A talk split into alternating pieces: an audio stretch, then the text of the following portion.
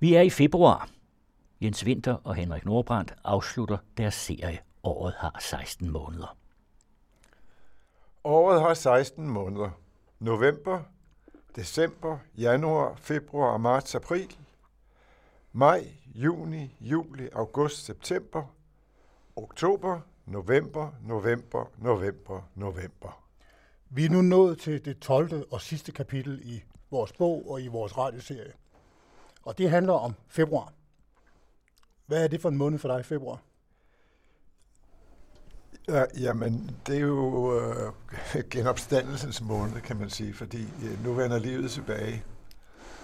Øh, der begynder at komme nogle, nogle blomster. Lyset stiger op. Så det er for mig det er en meget, eller kan i hvert fald være en meget glad måned. Hvis ellers er nogenlunde ordentligt. Man kan sige, om året har 16 måneder, altså bogen, der danner grundlag for de her radiosamtaler, at vi starter med marts, som er en optimistisk måned, og vi slutter med februar, som også er en optimistisk måned. Det er da egentlig meget godt. Så er der alt det ene imellem. Ja, ja, det, det, det, er, det, det, det er da helt fint. februar indledes, som du lige sagde, med digtet Genopstandelse. Vil du ikke læse det? Jo. Efter dødens måned følger genopstandelsens februar. I et iskoldt badeværelse står du nøgen og med sorte vinger. Vandet vil ikke løbe, verden vil ikke dreje, vinduet kan ikke åbnes, og den, der står her, ligner der kun næsten. Du er nemlig defekt. Det er månedens skyld. Den er for kort til at gøre noget færdigt. Dine vinger duer ikke, og du opdager til din rejsel, at du mangler et røvhul, som et varsel om noget langt, langt værre. Uniformen hænger på en bøjle bag døren med instrukserne i inderlommen. Det er prisen for at slippe ud. Sig, bare du er Napoleon, så tror jeg på dig. Alle de andre er nemlig også Napoleon. Hvorfor passer genopstandelse og februar til hinanden? Jamen, det gør det, fordi det er de første forårstegn kommer frem. Men måneden, din person er defekt. Ja, altså nu, vi, vi var lige inde på, at, at det, vi, vi sluttede så optimistisk, og jeg kan godt se, at det her, det her, det, det, det er bestemt, det, det, kniber lidt. det er ikke særlig optimistisk, nej. Nej, og badeværelse er iskoldt. Ja, ja, nej, det er bagsiden af februar, vil jeg sige. Altså, forsiden, det er vintergækker og erantis, der spiger op. Og så bagsiden, det er kulden. Sådan, og det kan jo være meget koldt i februar, ikke? Så slutter digtet jo også sådan, det slutter jo sådan lidt absurd. Sig bare, at du er Napoleon. Det gør alle de andre også. Altså, med andre ord, en lille mand med et meget stort storhedsvandvid. Ja. Digtet foregår jo på sådan et, et galehus, ikke? Altså, det hele er, lidt surrealistisk. Dine vinger duer ikke, og du opdager til Så du kan ikke flyve nogen steder? Ja, ja, ja. ja. Så. Og, og så er måneden i øvrigt for kort til, at man kan gøre noget færdigt. Ja. Er den det? Der er jo kun 28 dage, ikke? Jo, det er for det meste. Ja, så, for det meste. Ja. Februar, det er begyndelsen, siger du. Du kan godt lide begyndelsen, ikke? Jo, begyndelser er jo altid smukke, synes jeg. Det er bedre end afslutninger. Ja, det er det. Hvad er forskellen på begyndelser og afslutninger for dig? Begyndelse, det er håb om, at, at der vil ske noget godt, ikke? Det er ligesom, altså, den, den bedste glæde, det er forventningens glæde, ikke? Og begyndelse er også forventning om, at noget vil blive smukt på en eller anden måde. Mm. Afslutning, jamen så er det færdigt, man ved, hvad der er sket. Man kan ikke ændre det, uanset om det er godt eller dårligt, så er det i hvert fald forbi. Og det er skidt. Jeg ved ikke, om det er skidt, men det er deprimerende. Temaet for vores snak om februar, det er Danmark. Ja. Og bortset fra, altså, at du i digtet genopstandelse, som vi lige snakkede om, digter om iskolde badeværelser, hvor vandet ikke vil løbe, og den, der står i badeværelset, kun ligner dig næsten. Hvad, hvad er det så, du vil sige med det? Det er galehuset, siger Ja, det er galehuset. Ikke? Det er det der med Napoleon. Altså, det er jo sådan et klassisk galehusbillede, eller billede af en klassisk galehuspatient. en galehusbeboer. Ja. Du siger, at begyndelsen er bedre, og alligevel så har du det næste digt, vi skal høre, det hedder det næst værste. Ja. Det værste er ikke dette fede, flade danske midsommerlys. De afskyelige grønne nuancer, der kappes i overvægt, med de modbydelige lilla blomster, der har en præsts salvelsesfulde ræb som eksistensberettigelse. For savlene at plædere for, at der er noget, der er værre. Nej, det er ikke det værste. Og ikke engang Dannebro, stanken af gylde og skoldede svin, eller aftenklokken, der kvalmer sig ind i ens hjerne med sit ekko af prædikestolens anatomiske barokkubisme. Nej, det værste er endnu på vej. Det er lige bag tungen, men kommer ikke over læberne, før en tandrad fuld af amalgam og guld skiller jord fra ord. En præst salvelsesfulde ræb som eksistensberettigelse for savlene og plædere, at der er noget, der er værre. Det er ikke så let, hva'? Nej, det, det, det er så grimt, som det kan være. Ja, det, det var også meningen, jeg skrev Men hvad så med de der grønne, de grønne nuancer og, og, og det flade danske midsommerlys? Jamen, det, det, midsommerlyset er jo fladt, ikke? Altså, jeg bryder mig ikke særlig meget om, om midsommer. Jeg kan godt lide det tidlige forår, fordi der, det er sådan et, et, et skarpt lys. Der er, en masse, der er en masse nuancer i det. Men når man kommer ind til midsommer, så bliver lyset jo ret fladt. Og, mm. og, Altså det, der står i det her digt, det er jo, at der er altid noget, der er værre. ja, det er der jo også, som regel i hvert fald. er der det? ja, det er der vel. Altså, man, man forestiller sig altid, at der er noget, der er værre, selv når det er meget slemt. Det kan gå meget værre. Det kan blive Det er jo meget det, det, er jo det, det, det, jeg altid forestiller mig. Altså, Det værste, det har vi stadigvæk til gode, og det ligger lige bag tungen. Og det vil dukke op, når en amalgal, øh, altså en sølv, sølvplomberet mund, griner, eller hvad den nu gør. ja, sådan. Hvad er så det værste? Jamen, det er, jo, det er jo døden. Om døden så er det værste, det ved jeg ikke. Det er jo svært at diskutere, eftersom ingen er vendt tilbage fra det. Så, Du er jo sådan set meget venlig, fordi du siger, at det værste, det har vi stadig til gode. Hvad, og hvad det så er. Det værste, det er ikke Dannebro. Det er ikke stanken af gylde og skoldede svin. Det er jo ellers uh, nogle noget, du ikke kan lide. ja, ja. Men der står jo også, det er lige bag tungen. Altså, man kan næsten udtale, hvad det værste er, men altså, man dør åbenbart for inden. Det er vel det, der står i digtet. Og, og, det at dø, det er det værste. Nej, det er det, Det ikke. ved du det, ikke. det ved man jo ikke, det ved man ikke. Nej, det er der os, der Nej, fordi man er død for inden, så man kan, jo ikke, man kan jo ikke tale om det, når man er død. Er det dødsangsten, der Ja, er det det, er værste? det, det er det nok. Det er det nok. Det er meget muligt, at det er det, det handler om. Lider du af den? Det tror jeg, alle gør. Det kan man ikke løbe fra. Det tror jeg ikke, man kan løbe fra. Jeg ved ikke, om jeg lider af den i nogen udpræget grad, men det tror jeg ikke, man kan løbe fra. Mm.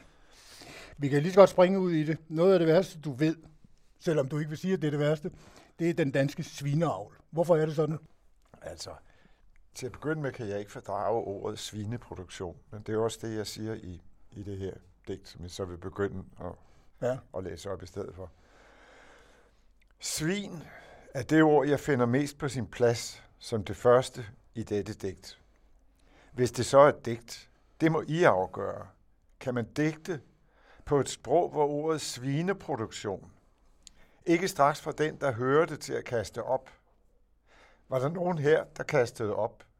Med nogen mener jeg eventuelle læsere. Med her mener jeg digtet, som når det er blevet læst, nok også er blevet stemplet som noget bras af svineproducenterne og deres håndlangere, de dansktalende, med andre ord, de der ikke kaster op, når de hører ordet svineproduktion. De, der ikke nægter at tage det sprog, som har frembragt ordet svineproduktion i deres mund igen. Skriv det ned, siger jeg derfor. Kopier mit digt, selvom I ikke kan lide det. Jeg kan heller ikke lide det. Kritikerne vil sikkert kalde det et metadigt, men det skulle gerne lyde og lugte som et svineslagteri. Inden mange år mener mange, hvis svineorganer kunne erstatte jeres, når de svigter. Det lyder ikke rart i et digt, så skriv det ned. Prøv at føle det. Når jeres kroppe og svinenes ligner hinanden så meget, at de kan ombyttes, må jeres følelser også være temmelig ens. Kan I sikkert føle, hvis I tør føle efter. Svin kalder I af samme indlysende årsag. De mennesker, som I tillægger jeres egne laster. Og hvis I stadigvæk ikke kan lide mit digt, så tænk bare på mig som et stort svin. Hykleriske læsere, Tænk på mig som oversvinet under den blodige kittel i svinebagniet. superslagteren med den drøbende kniv i slagtehallen, hvor jeres kroppe hænger til afdrøbning. Digtet, det skulle gerne lyde og lugte som et svineslagteri. Og det gør det da, til fulde. Øh, til slut med drøbende knive i slagtehallen, hvor jeres, altså svinenes, kroppe hænger til afdrøbning. Hvorfor skal det være så ulækkert? Fordi emnet er så ulækkert. Altså, jeg, jeg hader altså, hele den kultur omkring øh, svineproduktionen. Jeg synes, det er forfærdeligt. Tænk engang, at vi lever i et land, hvor en vigtig del af økonomien stammer fra intensiv dyremishandling. Det synes jeg er, er uværdigt. Altså. Det, det, det, det, det, det er virkelig deprimerende at tænke på. Jeg bliver både deprimeret og vred. Man kan sige det på den her måde, at det er jo ikke svinene, du har noget imod. Nej, selvfølgelig er det ikke svinene. Nej. Det er de mennesker, der behandler dyr på den måde. Ikke? Og så det, at, at vi er alle sammen øh, som, som danskere er, er medskyldige i det her. Jeg har jo lige siddet og set på, på fjernsynet, jeg har lige set, jeg kan ikke huske, om det var fødevareministeren, eller hvem det nu var, der var på vej til Kina for at lave et fremstød for danske svin. Altså, det, det, det synes jeg, det, det er så deprimerende. Tænk engang på, hvad det indebærer, hvis vi skal sende, hvis Danmark skal sende svin til, til Kina. Hvad det, indebærer, hvad det indebærer til at begynde med, at dyremishandling, og derudover er, er indgreb over for naturen, ved transport osv. osv. Altså, den danske natur er jo, er jo allerede ødelagt på grund af den her svineproduktion. Ikke? Altså, du kan tage et tog, sætte dig ind i et tog, tage et hvilket som helst sted hen i landet, ikke? køre nogle timer. Ikke? Halvdelen af tiden, der lugter der simpelthen af svin i toget, også selv i de nye tog, hvor man ikke kan lukke vinduerne op. Jeg kender en landsby nede på Stævns, hvor jeg kommer en gang imellem. Der ligger en øh, svinefarm i den ene ende og en svinefarm i den anden ende, så der stinker af gylde altid. Ja, det er da forfærdeligt, at folk skal leve i den stank. Ikke? Altså, det er forfærdeligt for svinen, at de bliver mishandlet, og forfærdeligt for folk, at de skal leve i stanken, og grundvandet bliver forurenet, og så videre, og så videre. Det, det er virkelig meget deprimerende. Hvad skal vi spise, hvis vi ikke kan spise flæskesteg? Jamen, lad os så spise grøntsager for helvede. Altså, alle ernæringseksperter er, er enige om, at man behøver dels ikke at spise kød. Man kan sagtens klare sig med grøntsager. Det er bare en, en dårlig kultur, vi har. En, en primitiv kultur. Altså, det stammer jo tilbage fra, fra jægerkulturen, hvor, hvor, man, hvor man var nødt til at, at leve af, af dyr, som man, man, man slår ihjel. Ikke? Nu udnævner du dig selv til oversvinet, men du spiser jo også svinekød. Svinekød afholder jeg mig altså fra, når jeg kan med at sige. Ikke? mindre jeg er gæst et sted. Ikke? Altså, på den anden side er jeg heller ikke fanatiker, men øh, jeg har været vegetar i lange perioder. Lige i øjeblikket er det ikke af gode grunde, men i princippet synes jeg, man bør være vegetar. Og jeg vil til hver en tid støtte et parti, der gik ind for, at man skulle forbyde kødproduktion, som det hedder. Altså alene ja, for det er, vel lige, det er vel egentlig lige meget, om det er svinekød eller det er oksekød. Er det ikke? Jo, jo, det er sådan set lige, lige meget. Altså nu, nu behandler man svinene så øh, exceptionelt dårligt, ikke? Køerne har det heller ikke for godt, men altså det, det, det er helt, helt så i øjenfaldene. Men altså, jeg, jeg synes, man skulle nedlægge alt, hvad der hedder kødproduktion. Hvis folk endelig øh, skal spise kød, så skal de altså gå ud i skoven og slå, slå dyret ihjel selv. Hvad med fisk? Det er meget Hvad med fisk? Ja, der, der ved jeg ikke rigtigt. Der, det har jeg ikke nogen øh, klar holdning til endnu, det må jeg indrømme. Det har jeg ikke gjort op, op med mig selv, om man må spise fisk eller ej. Men lad os nu holde os til det her. Lad os bare sige nej. Man skal overhovedet ikke spise levende væsener. Og hvis man skal, så skal man altså selv fange dem og slå dem ihjel, eller skyde dem, eller hvad man nu vil. Ikke? Det gør man jo også med fisk. Det gør man også med fisk, ja. Det var ikke nok. Hvorfor er du så flink, så du i digtet siger, at svineproducenterne, altså svinebaronerne, de vil sikkert synes, at det her digt er noget bras? Nå ja, fordi de kan jo ikke lide det. hvis de overhovedet læser det. Det gør de nok ikke. Hvis I ikke kan lide digtet, så tænk bare på mig som oversvinet under den blodige kittel. Men, men, men, men det der med svineri, altså at det er blevet sådan et skældsord, hvor kommer det? Det ved jeg egentlig ikke, for, fordi det siger jeg jo her, altså man kalder dem, man ikke kan lide for svin. Og jeg ved ikke, om det er blevet, det er fordi svin, de, de, svin, de sviner, de, de snavsede, de ruller sig imod og sådan noget. Det må være det, det er kommet fra. I Vi ved jo ikke, om de er klogere end øh, så mange andre. Nå, nej, man siger, de er klogere end hunde, det ved jeg ikke. Det kommer sådan set ikke sagen så meget ved. Jeg skammer mig over at være dansker, har du sagt. Hvorfor er det så slemt? Ja, altså nu er det jo ikke min skyld, øh, at jeg er dansker, men hvis jeg kunne skamme mig over at være dansker, så ville jeg gøre det. Det kan godt være, at svinene ikke er de gladeste væsener i verden. Men hvorfor er det så sådan, at du og din gamle ven, billedhuggeren Jørgen Haugen Sørensen, i bogen om Ankara, taler om, at slagter er nogle af de gladeste mennesker, I kender? Det skulle man da ikke tro. Nej, det skulle man ikke tro, men det er også en observation, jeg har gjort. Det er meget ejendommeligt. I har aldrig mødt en sur slagter? Ah, det har man vel nok, men altså... Men er det rigtigt? Jamen, det er bare sådan noget, jeg har bemærket. Det har, har vi begge to bemærket. Hvad synes du, man skulle gøre ved de danske svinebaroner? For det er vel blandt dem, skurkene skal Jamen findes? altså, ja, men altså, det, det drejer sig om en, om en mentalitetsændring. Altså, jeg vil godt vende tilbage til det, jeg sagde før, fordi jeg fik ikke rigtig gjort det færdigt, at det er jo helt fantastisk, at øh, folk, der, der sidder hjemme og, og spiser flæskesteg, eller hvad det nu er, kød i hvert fald, at øh, de er meget forarvet på jægere, som går ud og skyder dyr. Der er jo en, intet forhold i det. Så, så hvordan, det, så det, hvordan, jamen, det hvordan viser, mener du det? Jamen, hvordan jeg mener med det? Jamen altså, de synes, det er okay at gå ind og købe et stykke kød, øh, der har tilhørt et dyr, som har lidt meget. Men det er ikke i orden at skyde et dyr i naturen, hvor, hvor, hvor, hvor drabet egentlig foregår på, på naturens egne præmisser. Fordi dyrene gør det samme. De jæger og dræber for at få mad. Ikke? Det viser, at der er noget galt med hele mentaliteten, fordi det kød, de folk køber, de ser på det som, som mad, ikke som noget, der er tilhørt et levende dyr. Det, er det ligger jo pakket ind i cellofan. Det ligger pakket ind i cellofan, ikke? Ja. og de vil helst ikke tænke på det. Hvorfor vil vi ikke det? Ja, fordi der, mange mennesker kan, kan ikke lide tanken om at slå dyr ihjel, men de, de æder dyrene alligevel, fordi det er en vane, der stammer tilbage fra, fra jægersamfundet. Ikke? Vi har ikke, altså, danskerne har ikke fået, det gælder mange andre folkeslag også, har ikke fået lagt deres vaner om. De kunne have lagt deres vaner om, fordi det er længe siden, at jægersamfundet gik under. Det gjorde det jo faktisk for, ja, det, det er 7.000 år siden, ikke? Hvor man mhm. gik over til land, landbrugssamfund. Ja. Men altså, 7.000 års landbrugssamfund har åbenbart ikke fået menneskene til at, til at, at, at, at miste lysten til at spise kød, hvor de udmærket kunne spise noget andet. For 100 år siden, der var la- livet på landet i Danmark præget af, af nogle meget store gårde, nogle almindelige gårde og en masse husmandssteder.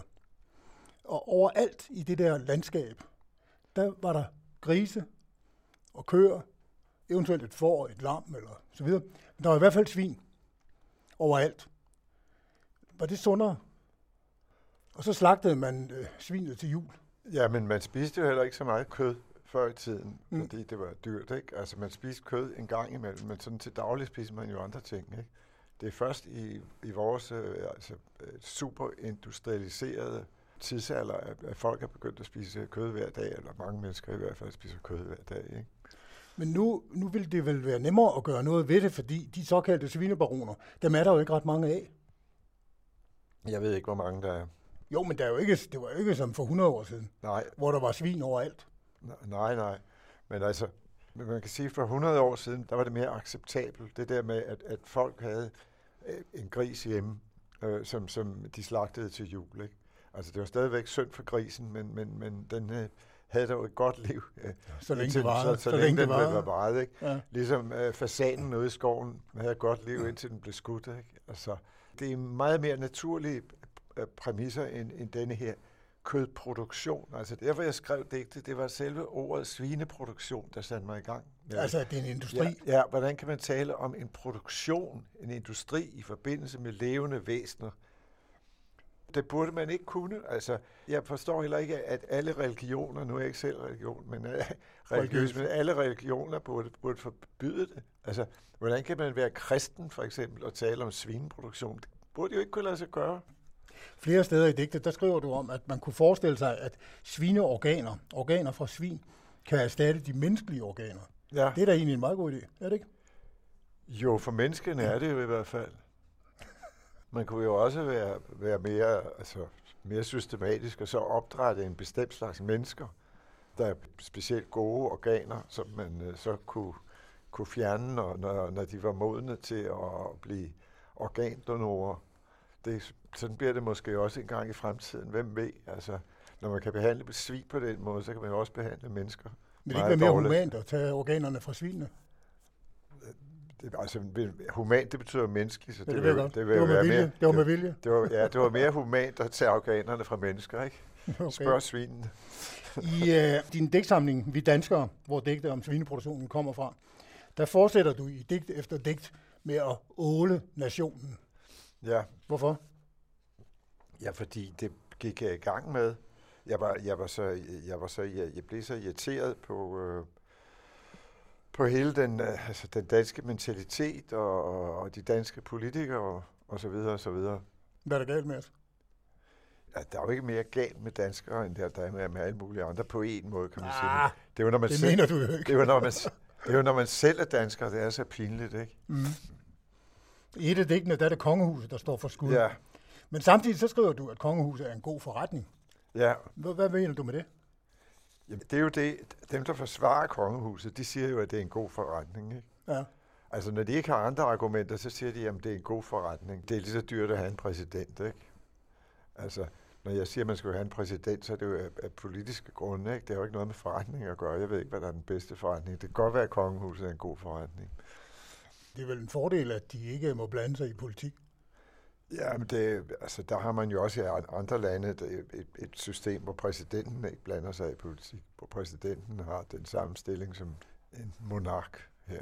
Ja, du har også nogle eksempler på, hvor ja, ja, men der, virkelig har ravet til sig. Jo, men der, der, der, der er mange forskellige modeller, der bruges rundt omkring i verden. Ikke? Jo.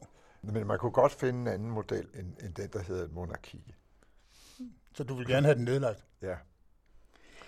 Den danske humor behandler du i et digt om danskheden. Ja. Danskheden er en skøn ting, og så sjov. Det er så typisk dansk ved danskheden, at den er så sjov. For ikke at tale om den danske alvor, den er så alvorlig på den typisk danske måde, der gør den så typisk alvorlig. I det hele taget er danskheden så typisk. Det mest typiske ved danskheden er, at den er så typisk. Så typisk dansk. Alvor og sjov er typiske nok hver for sig. Men ikke så typiske som danskheden. Danskheden er det mest typiske af alt. Danskheden er sådan en skøn ting. Hvorfor leger du så meget med begrebet typisk?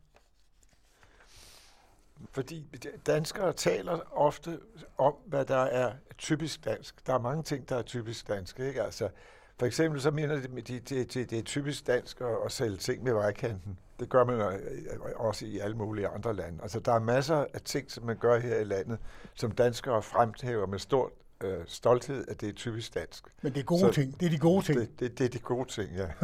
Eller hvad? jo, jo. Altså, også det der med, at altså, nu nævnte jeg det der med, at folk øh, sælger ting med vejkanten, så sætter de Dannebrogsflag op, ikke? I det hele taget er der Dannebrogsflag alle steder. Altså, Altså danskerne er meget glade for danskheden, sådan ser det i hvert fald ud. Nu øh, Dannebro bliver vel ikke lagt for had alene af den grund, at der er et bestemt politisk parti, der gerne vil tage lidt patent på Dannebro. Du mener, bliver lagt for had af mig? Ja. Jamen, jeg, jeg hader sådan set ikke Dannebro. Jeg, jeg undrer mig bare over, at jeg, at jeg ser det alle mulige steder, altså til, til fødselsdage og når folk ankommer til lufthavnen, som om, at man vil have, at de er sikre på, at de er kommet til det samme sted, ikke? så står de der og flager med Danbosted, at de, at de ikke er landet Peking i stedet for. Ikke? Altså. Og det er for, at vi kan føle os hjemme? Altså, ja det må det jo være. Ikke? Altså. Altså, vi, vi er ikke rådet til Dublin eller ja, ja, New York ja, ja, eller et ja, eller andet. Ja. Den danske form for humor, den har du ikke så meget til års for. det er da ellers et af de brands, som vi plejer at markedsføre os med. Jo, men altså, der er mange danskere, jeg tror jo, at, at, at danskere er de eneste, der har sådan en, en ordentlig form for humor. Det, er, det er jo noget sludder. Alle folk har form for humor. Men den danske humor, den har du ikke så... Jamen, den er, den er vel hverken bedre end, end, eller værre end andre folks form for humor. Men altså, jeg vil, altså en ting, jeg meget godt kan lide ved dansk humor, hvis det endelig skal være, ikke? det er, at den er meget afslappet. Altså, danskerne har ikke noget imod øh, at blive til grin. De vil gerne grine.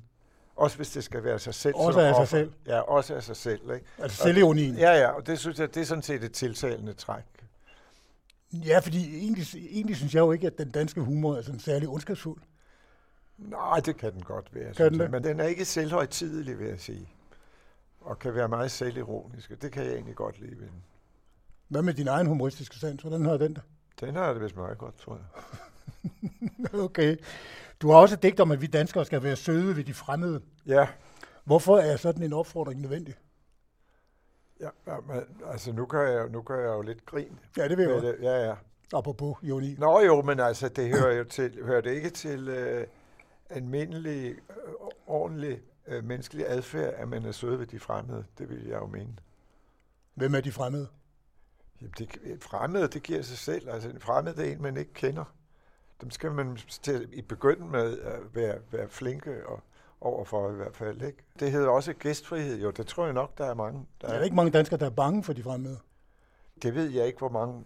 Der er nok nogle stykker, der er bange for de fremmede. Altså, der, der er selvfølgelig nogen, der... Det, frem, det fremgår jo af den politiske situation, at der er en del, der er bange for de fremmede. Eller, om ikke bange, så i hvert fald ængstlige ved, at der kommer for mange af dem, ikke? Du har sådan en fremmed angst, altså xenofobi kalder man det også. Ja, ja, men altså, det er jo noget, der findes i alle samfund. Det er jo ikke specielt for Danmark, at der, at der er fremmedangst eller xenofobi. Altså, den ene stamme er bange for den anden stamme, for nabostammen osv. Så videre, så videre. Sådan er det jo alle steder i verden. Bygger det på, at vi er bange for, at der er nogen, der tager noget fra os? Jamen, enhver kultur har nogle forsvarsmekanismer for at, at holde den sammen, simpelthen. Ikke? Altså, xenofobi i et samfund, det er jo ligesom øh, jalousi i et ægteskab, eller i, et- i et parforhold, kan man Det kan sige. da også være forfærdeligt. Ja, men, ja, men det er også forfærdeligt, og, og, og jalousi er bestemt ikke nogen beundringsværdig øh, følelse. Men, men det er en følelse, der eksisterer i de fleste mennesker, ligesom xenofobi eksisterer i, jeg vil tro, alle samfund til Altså- en vis grad. Jalousi hedder jo sorte syre, altså på svensk. Ja. Ja. Svartsyg. Ja, ja. Det er jo egentlig et meget godt ord for Ja, det. ja, det er det bestemt. Men altså, et samfund er jo en organisme, ikke? Og sådan en organisme vil altid prøve på at forsvare sig selv for at forblive intakt, for at forblive sig selv, ikke? Og der er, der Det, er er, jo, det er jo en form for at gå imod en fornyelse. jamen, det er der også, men altså, der er xenofobien en nok en del af, af samfundets forsvarsmekanismer. Okay. Og, det, og jeg forsvarer Man ved, hvad man ikke- har, man ved ikke, hvad man får. Ja, ja, ja, jeg forsvarer ikke øh, xenofobi. Det er overhovedet ikke på den måde. Jeg siger bare på, at man må se på det som en naturlig følelse, og man behøver heller ikke under alle omstændigheder at kalde den for racisme, fordi racisme er en, er en ideologi. Xenofobi er en følelse. Racisme er en praktiseret opfattelse af, hvordan andre er indrettet, og hvad man skal gøre ved dem osv., så, videre, så det er noget helt andet. Altså apropos det tredje rige og Ja, ja, Tyskland ja, ja, og så ja, ja. Digtet, det handler blandt andet om den omvendte form for tolerance, som i hvert fald tidligere var meget udbredt. Vi talte om, i citationstegn, Mustafa med de brune øjne. Ja, ja. Det var vel dengang, der ikke var så mange muslimer i Danmark, eller hvad? Nej, der var ikke så mange. Der var man venligere. Der var, der, det er klart, men det var klart, når man var venligere.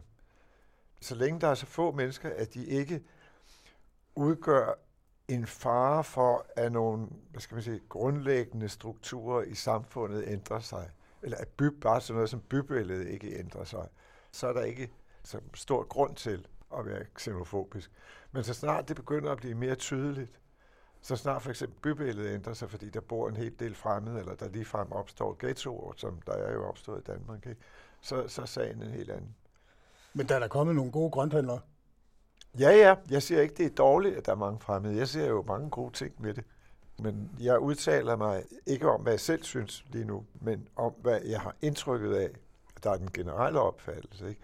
Altså mekanismerne bag xenofobien, og mekanismerne bag de mange diskussioner om de fremmede, og de mange diskussioner om deres religion osv. osv.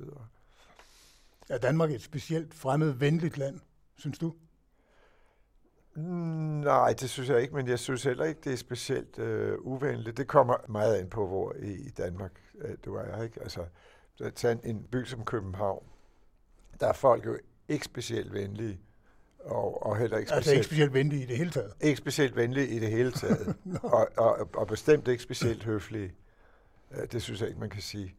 Når man kommer ud i provinsen, så er folk i, i det store hele meget mere venlige.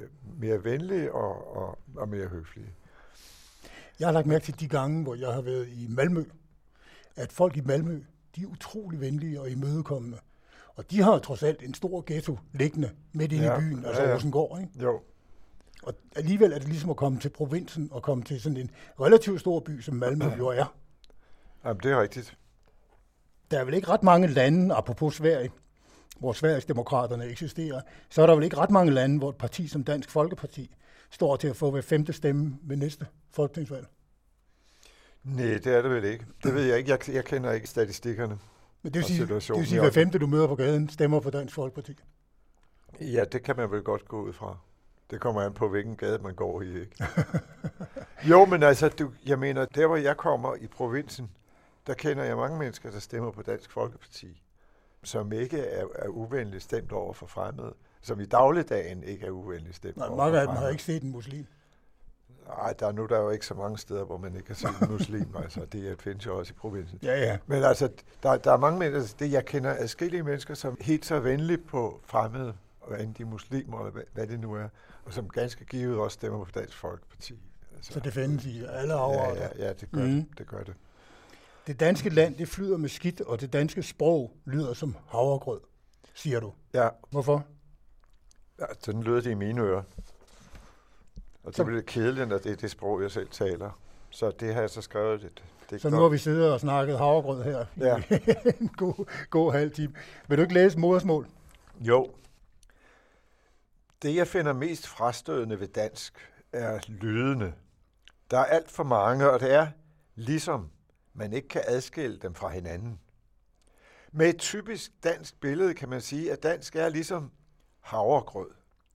Når den er færdig, kan man ikke se de enkelte gryn. Er det ikke bare dansk at sige det sådan? Sådan er det for eksempel med mange danske digte, som jeg godt kan lide. Jeg kan bare ikke lide lyden af dem.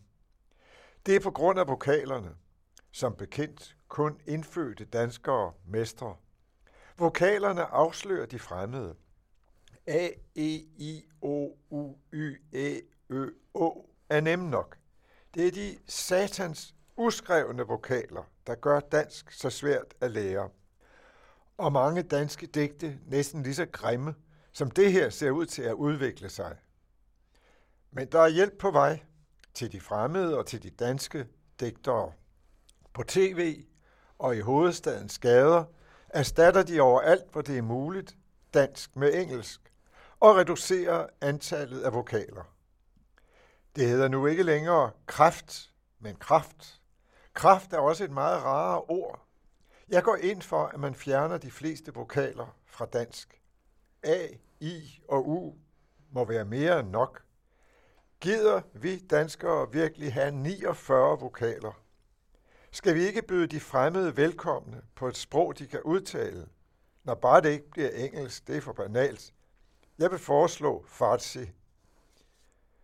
Vi kunne også opfinde et helt nyt sprog, for jeg synes som sagt, dansk lyder af helvede til. Selv vil jeg heller aldrig have valgt dansk til modersmål, som det alligevel så smukt hedder på dansk. Det er dansk, der har valgt mig, blandt andet til at skrive dette. Og bortset fra, at det er skrevet på dansk, er jeg fandme glad for, at jeg endelig fik det sagt. Og hvad fik du så sagt? Det har du jo lige hørt. Det ved jeg godt, men kan du ikke lige sådan sammenfatte det? Øh, eller dansk har valgt dig, du har ikke valgt dansk, Ja, og det er du glad for. øh, jamen altså, jeg har ikke haft anden mulighed. Jeg Nej. har fået det ind med modermælken, ikke? Og så det der forslag om øh, vokalerne, altså, vil det give et meget nemmere sprog? Jamen, det er selvfølgelig noget sludder. Men Hvorfor siger du om dit eget digt, at det er noget sludder? Jamen, det er, noget, det er da noget sludder. Det skal være noget sludder. Det er absurd. Men- Men det der med de 49 vokaler, det er ikke, det er rigtigt nok. Ja. Altså, altså dansk har 49 vokaler, selvom der ikke er, er så mange, der, der bliver skrevet. Henrik, for at det hele ikke skal ende helt nede i kulkælderen, så skal vi lige have et digt om sandheden fra håndens skælven i november. Det er faktisk det, vi slutter hele bogen af med. Okay, jamen så læser jeg det. Søg ingen sandhed her. Disse digte er håndens værk, som den bevægede sig nogle dage i november eller skælvede, påvirket af sin ejers humør, kaffe, cigaretter, vin. Skyerne over dalen, venner stød og meddelelser om krige. Det virker her, som om du sådan med en ironisk distance holder digtet ud i strakt arm. Ikke? Jo, det kan man godt sige. Er det det, du gør? Ja. Hvad vil du sige med det? Jamen, jeg vil sige, det der, der står, jeg skal vi ikke lade digtet slutte, det tror du? Nej, for jeg har tænkt mig at sige, at vi begyndte øh, med samtalen om marts, den Ja. ja. første rigtige Ja, ja. forårsmåned. Ja, Og så slutter vi såvel vores bog om over 16 måneder, som den her serie radioudsendelser med februar, som er optakten til foråret, og den bedste tid i Danmark efter din opfattelse. Henrik Nordbrandt, tak for samtalerne. i lige måde. Mange tak. Henrik Nordbrandt og Jens Winter har på forlaget Gyldendal udgivet bogen Året har 16 måneder. Nordbrands almanak. Og dette var den sidste udsendelse i serien.